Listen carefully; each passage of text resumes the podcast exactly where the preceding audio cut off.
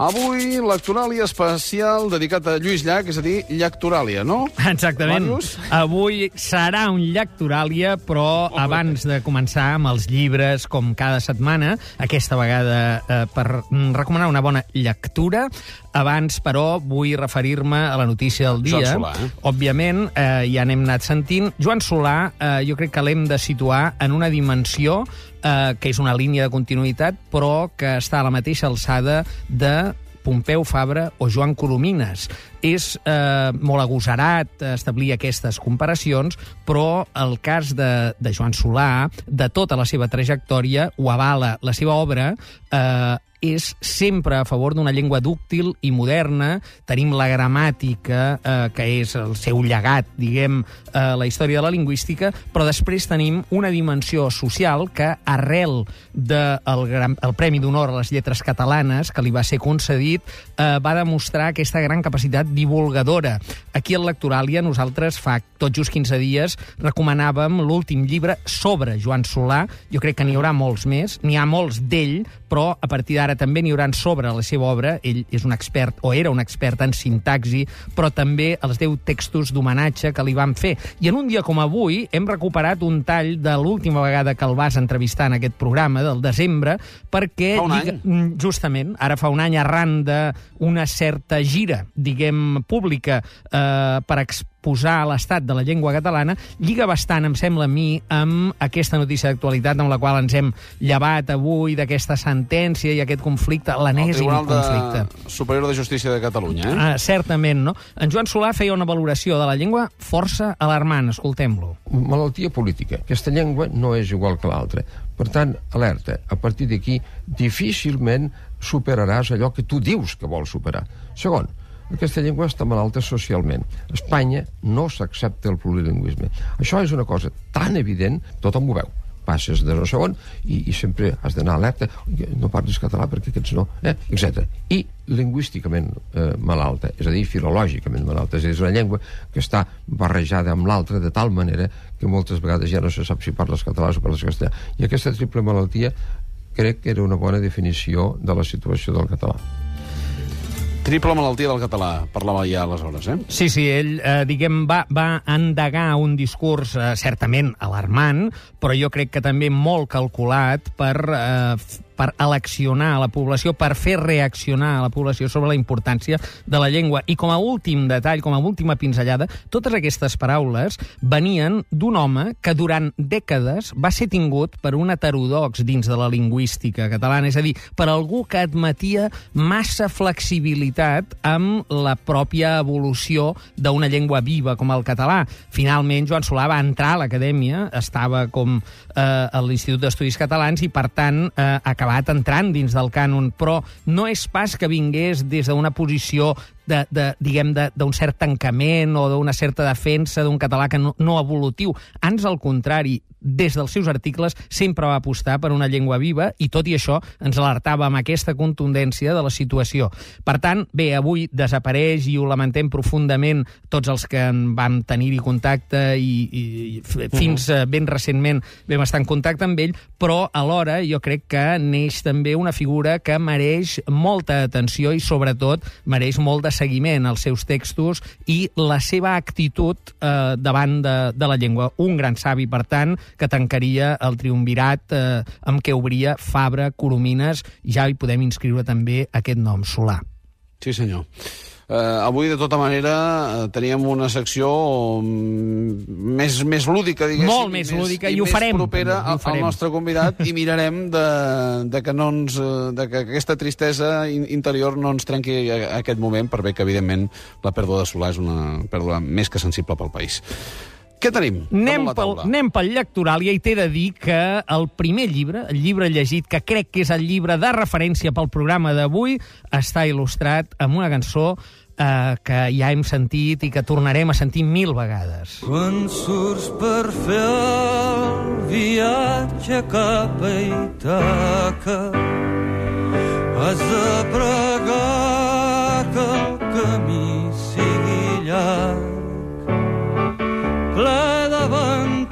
ens il·lustra, Itaca? Bé, ens il·lustra el llibre canònic, com et deia, d'una operació com el programa d'avui, de la teva ubicació i de la ubicació de tots els oïdors de Catalunya Ràdio avui. Lluís Llach, L'Onoi de Cal Vall, un viatge pel seu món a Porrera.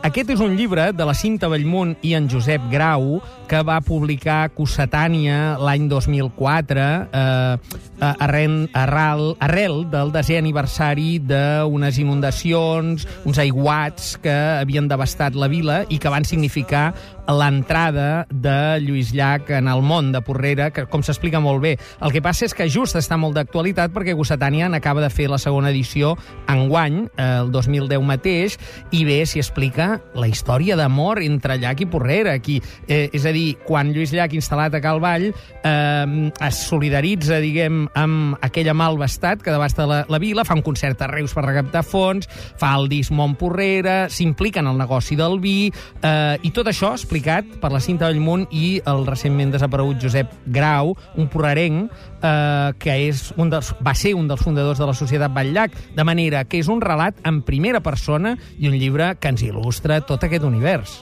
Mots clau? Avui, solidaritat, porrera, vi, música, priorat i revolució. Saps què, Màrius? Què? Que tenim a la Cinta Bellmunt al telèfon. Cinta, molt bon dia. Hola, bon dia, què tal? Bon I dia. moltes felicitats per aquest llibre, eh? Moltes gràcies. Uh, et va costar molt recopilar totes aquestes històries o justament el que et va costar molt és que te les deixessin publicar? No, no, no, no, no, no ni una cosa ni l'altra. Va ser una feina molt fàcil en el sentit de que és un llibre a quatre mans amb, amb l'amic Josep Ramon Grau, que coneixia sí. molt de prop la, la figura de, de Lluís Llach, que eren molt amics, i, i la vila on van passar tots aquests fets. Això es va juntar a que en Lluís sempre que he tingut que fer alguna feina relacionada amb ell, sempre m'ha donat molta facilitat per obtenir la informació i va ser molt generós perquè poguéssim fer una feina com calia. Va tenir molta paciència tant en les entrevistes, fent revisions, en cap moment eh, va fer cap comentari de, de si això sí o això no, sinó al revés. Qualsevol comentari que feia era per millorar eh, alguna part del text o per afegir-hi alguna informació que no hi havíem pensat. O sigui que n'estàvem molt contents. És, és un llibre que es veu i es té amb orgull. Amb alguns restaurants de, de la vila, justament, l'hem vist exposat, obert amb alguna plana, signat pel Lluís o, o, o pels autors, justament perquè parla de Lluís, però sobretot parla de Porrera, eh? Sí, és que és una història de vida, de fet, d'un poble, d'una vila com Porrera, explicat des de la, la vivència de, de Lluís Llach en uns moments molt, molt determinats. De, de fet, també al final s'inclou una petita guia turística de Porrera, perquè era una manera diferent de, de, de vendre un poble. Uh -huh. Evidentment, cal, I una cal història venir-hi. humana, evidentment, clar. Jo he de dir, Manel, també, i Cinta, eh, que des del punt de vista de la lectura és un exemple eh, molt bo d'un cert reportatgisme literari. Està escrit amb un estil que arriba molt clarament, ens il·lustra, es llegeix amb, molta, amb molt de gust i, per tant, és un llibre recomanable que el podríem haver recomanat qualsevol altre dia a banda d'un dia com avui. Fotografies impagables, també, eh? Sí, les fotografies va ser també eh, gràcies a la col·laboració primer de, de l'arxiu del propi Lluís, també del Josep Ramon Grau, que en tenia moltes, i, i després de- d'altres eh, amics de, de l'entorn univers Porrera de, del Lluís, que van ser també molt amables, la, tothom s'hi abocava molt perquè pogués sortir un treball el millor fet possible. Felicitats, Cinta. Moltes gràcies. Felicitats. Un petó. Adéu, una abraçada. Adéu. Anem pel rellegit? Anem pel rellegit amb un pont de mar blava de fons. I, per tant, recomanem... Recomanem un llibre que aparentment podria ser molt gruixut, ho és, però en un format que tothom podrà portar a la butxaca. Recomanem la poesia completa de Miquel Martí Pol en l'edició recent d'aquesta col·lecció de la butxaca. Val a dir que cal que sigui una butxaca de bric, eh? És a dir, no pot ser la butxaca de la camisa, perquè eh, estem parlant d'un llibre de pràcticament 900 pàgines, però hi trobem eh, una edició de, diguem, compacta d'aquesta poesia completa és l'edició que va establir eh, el Pere Ferrés, bé, el propi poeta en col·laboració amb el Pere Ferrés, però aquí eh, estrictament reprodueix els 35 llibres de la producció en vers de Martí Pol eh, i, per tant, deixa al marge d'altres textos esparsos que solen eh, coexistir en les eh, edicions d'obra completa. No? Aquí comença a Porto la tarda recolzada al braç, que és un llibre de finals dels anys 40, eh, del 48 al 54, eh, eh, així està datat, fins al Després de tot, que reuneix la poesia de 1990 al 2002. I si porto Martí Pol, lògicament, en un àmbit de llacturàlia, és perquè és coneguda la relació eh, humana, però també artística, també creativa, la fecunda col·laboració eh, parlat, del, sí. del poeta amb en Lluís Llach, no? A partir del 93, amb aquest disc, et deixo un pont de mar blava que escoltem, els, els textos del qual són del poeta, però després amb altres col·laboracions, a RAR, eh, els discos com RAR, com Verges, com Temps de Revoltes. Aquest és un llibre que mereix eh, ser obert per qualsevol pàgina, i així ho hem fet, eh, i així hem anat a petar a un poema que es diu Tempesta, del qual et llegiré els quatre primers versos per tastar aquest flaire de la poesia, probablement del poeta més popular del segle XX, o més llegit del segle XX entre els poetes catalans. Fa així, Tempesta puc sobreviure amb poca cosa. I ara, quan preveig que l'oratge portarà perfums tal volta torbadors, m'aclofo per oferir un xic més de resistència. Sempre fa de bon escoltar. Màrius, el fullejat d'avui? El fullejat eh, ja, diguem, d'una manera més eh, propera a l'actualitat editorial, l'últim llibre que ha sortit que té relació amb vins. Aquí mm, eh, parlem d'un llibre breu, d'un llibre de divulgació de la Meritxell Falgueres, una somellera eh, jove, diguem, eh, de Gelida, que es diu Presumeix de vins en set dies. És un títol una mica agosarat, no?, de dir, sí. tu encara que no en sàpigues, tu amb el que et diré aquí em presumiràs. Doncs bé, mm, sí, mm, hi ha un... No, no sé si es pot presumir o no, eh, és Mira, un llibre això ja. Regalam'l, per favor. Regalam'l, és que no, no em puc evitar de cridar-ho, va. Ah, el pots... Uh, uh, Aquest teu, és pel Lluís, és teu, eh? és teu. He, he trobat que la pàgina 54 diu negres que cal tastar abans de morir, la qual cosa està formulat d'una manera que, que, que inquieta una mica, val a dir-ho. Sa saps que ara me n'adono que no hem dit la resposta a l'Animarius?